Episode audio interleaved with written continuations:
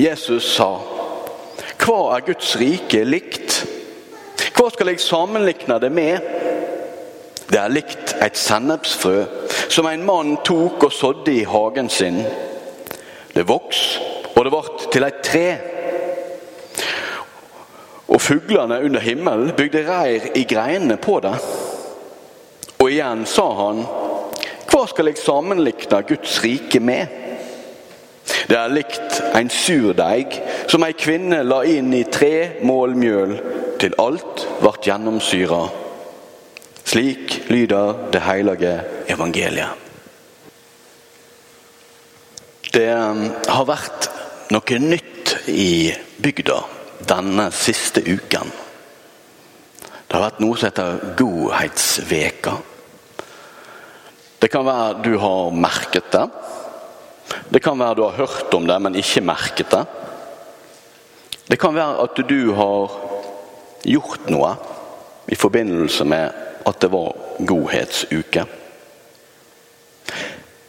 Jeg håper at iallfall noen av dere har blitt utfordret litt.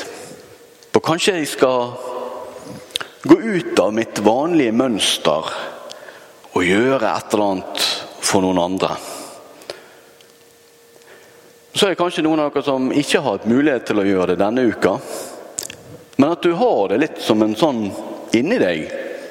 At hvis jeg kan bidra med noe, så vil jeg veldig gjerne gjøre det. Er det en dugnad, så stiller jeg opp. Er det noen som trenger hjelp, så vil jeg stille på. Men så håper jeg òg at noen av dere har fått oppleve at noen har tenkt på deg i den siste tiden. Spesielt dere som virkelig trenger det i denne tiden. At noen har husket på dere. Noen ganger så gjør vi ting, og det kan virke som en bitte liten sak. Det er ikke så mye. Det, det er et smil eller en liten gest. Og så betyr det utrolig mye for den som får det smilet eller den gesten. For det var det de trengte. Jeg vet om en bibelgruppe som denne uken møtte opp på fergekaien på Ørsneset og delte ut boller og kaffe til de som mistet halv fire-fergen. Tenk dere det. Du stresser fra jobb for å nå fergen. Og så rekker ikke du den, eller du kommer ikke med. Og så er du egentlig litt sånn øh. Og så kommer det en banker på ruten din. 'Vil du ha en bolle og en kaffe?' Det kan virke som en liten gest, men kanskje det snur hele ettermiddagen i den familien til den personen. Kanskje dette mennesket kommer hjem fra jobb og 'Vet dere hva som skjedde?' Jeg fikk bolle og kaffe på fergekaien. Og så er personen i godt humør istedenfor å komme hjem og være sur og gretten. Vi kan velge å dele ut en bolle og en kaffe. Vi bestemmer ikke hva som skjer etterpå. Det er utrolig viktig å vite. Vi bestemmer ikke hva som skapes. Det er det Gud som gjør. Men vi kan stille oss sjøl til disposisjon. Det kan være små ting. Vi får høre i dagens tekst om Jesus han snakker om at Guds rike er som et lite frø. Og Det blir til et stort tre, og fuglene kan finne rede i treet det lille blir til noe stort. Og om kvinnen som la litt surdeig inn i mjølet, og så bare hevet det hele deigen. Det som er spennende med disse fortellingene, det er at det skjer noe før Jesus kommer med disse lignelsene. Det er sabbat, og det er jo helligdagen for jødene en landsby er samlet i synagogen, kirken til jødene. Og Jesus er der. Han er skriftlærd på mange måter. Han er rabbi, og han står og underviser. Men så ser han en kvinne som er sånn, sånn krumbøyd og har ikke det så veldig bra. Jesus vet at denne kvinnen hun har vært sånn i 18 år. Det står at hun har en sykdomsånd som gjør at hun er krumbøyd. Og Det er nesten som om at Jesus han står der og snakker om, om Skriften og sånne ting. Og så, ja, og så forresten, du kvinne. Jeg løser deg fra, fra sykdommen din. Som en sånn parentes, liksom. Når kvinnen hun blir frisk og retter seg opp. Det kan virke som en liten, enkel greie Jesus gjør. Som et lite frø. De av oss som kjenner kvinner Ja, jeg tenker på mødre. Jeg tenker på venninner. Jeg tenker på kvinner. En kvinne som er nedbøyd, er får kanskje ikke ut sitt fulle potensial. Men når Jesus fikk løst hun fra dette, så kan vi bare ane hva en kvinne kan få til i livet. Hva kraft, hva det betyr. En kvinne med kraft i livet er en fantastisk gave.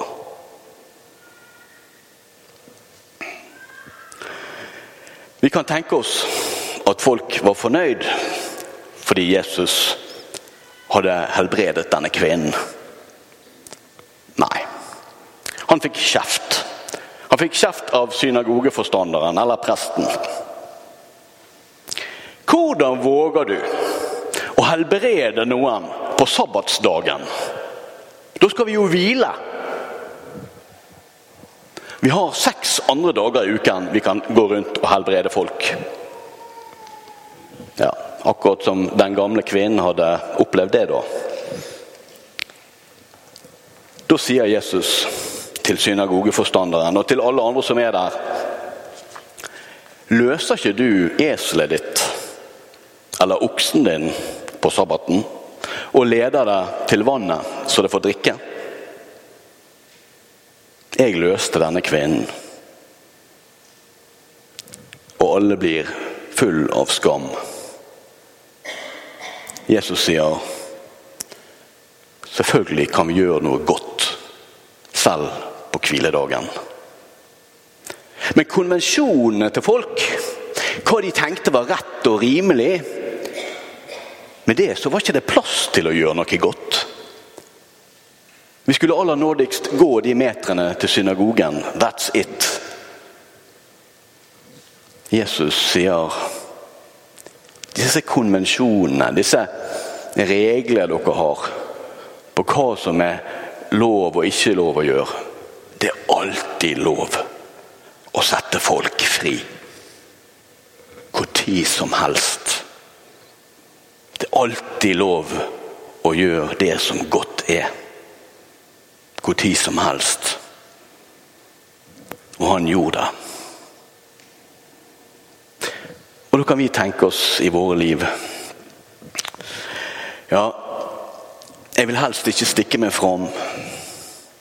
Jeg vil helst ikke gjøre noe, for da hvis jeg gjør noe galt, så får jeg kritikk. Det er nesten som om at noen ganger så tenker vi at livet det er som om at vi er valgt inn i et styre. Sånn borettslagsstyre eller noe. Og da skal vi være veldig fornøyd med at vi er valgt inn der.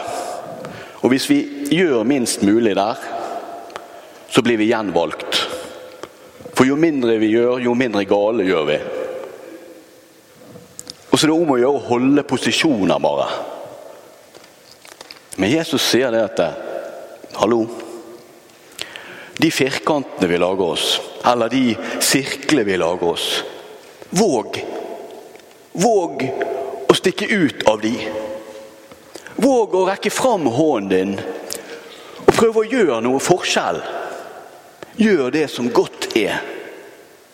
Og kanskje du lager litt oppstyr. Men noen må våge å bryte konvensjonene. Noen må våge å bryte de negative sirkler som sier La nå den kvinnen forbli krumbøyd hele sitt liv. For hvis vi gjør noe med det, så blir det oppstyr. Jesus, han kom for å reise folk opp. Og han ønsker at du og jeg skal gjøre det samme. I den teksten vi leste før, fra Romerbrevet, så er Paulus inne på noe av det samme. Han sier at vi skal bruke kroppen vår som et levende offer. Et hellig offer. At vi skal stille oss til disposisjon. Når noen inviterer på dugnad, så skal vi møte med de evner og det verktøyet vi har. Og Så får vi håpe at noen kommer med noe annet verktøy, for det har de. Og noen andre evner, for det har de. Så sier Paulus, innrett dykk ikke etter denne verden. Og Da tenker jeg boksen. Men la dykk omskape ved at dere får et nytt sinn og kan dømme om hva, Guds, hva som er Guds vilje, det gode. Det som er til glede for Gud, det fullkomne. Han vil at vi skal tørre å bryte ut. Bryte ut av konvensjonene. Ikke bare tenke på hva andre mener om oss. Men tørre å gjøre det gode. Tørre å stå for noe. Og det kan virke så lite. Det kan være en liten gest som du gjør fordi at ja, det var jo godhetsveka. Eller så kan det være noe du gjør fordi at det henger en lapp om dugnad. Men så kommer vi oss ut av sofaen. Ut av vår egen firkant. Og så gjør vi noe for andre. Vi kan stille våre hender til disposisjon. Våre føtter. De vi er. Vi kan ha sårede liv. Vi kan ha sterke liv. Alle trengs vi for å bygge Guds rike. Jeg tenker på denne bollen og den kaffen. Det er ikke du og jeg som bestemmer hva som skjer videre den dagen. Det er ikke du og jeg som bestemmer hva som skapes når vi sår med våre smil og sår med vårt oppmøte og sår med våre liv. Vi kan stole på at Gud er med, at det er Han som vil skape vekst. Det er Han som vil gjøre noe ut av dette. Det er ikke vårt ansvar. Men vi kan rekke våre hender frem. La oss.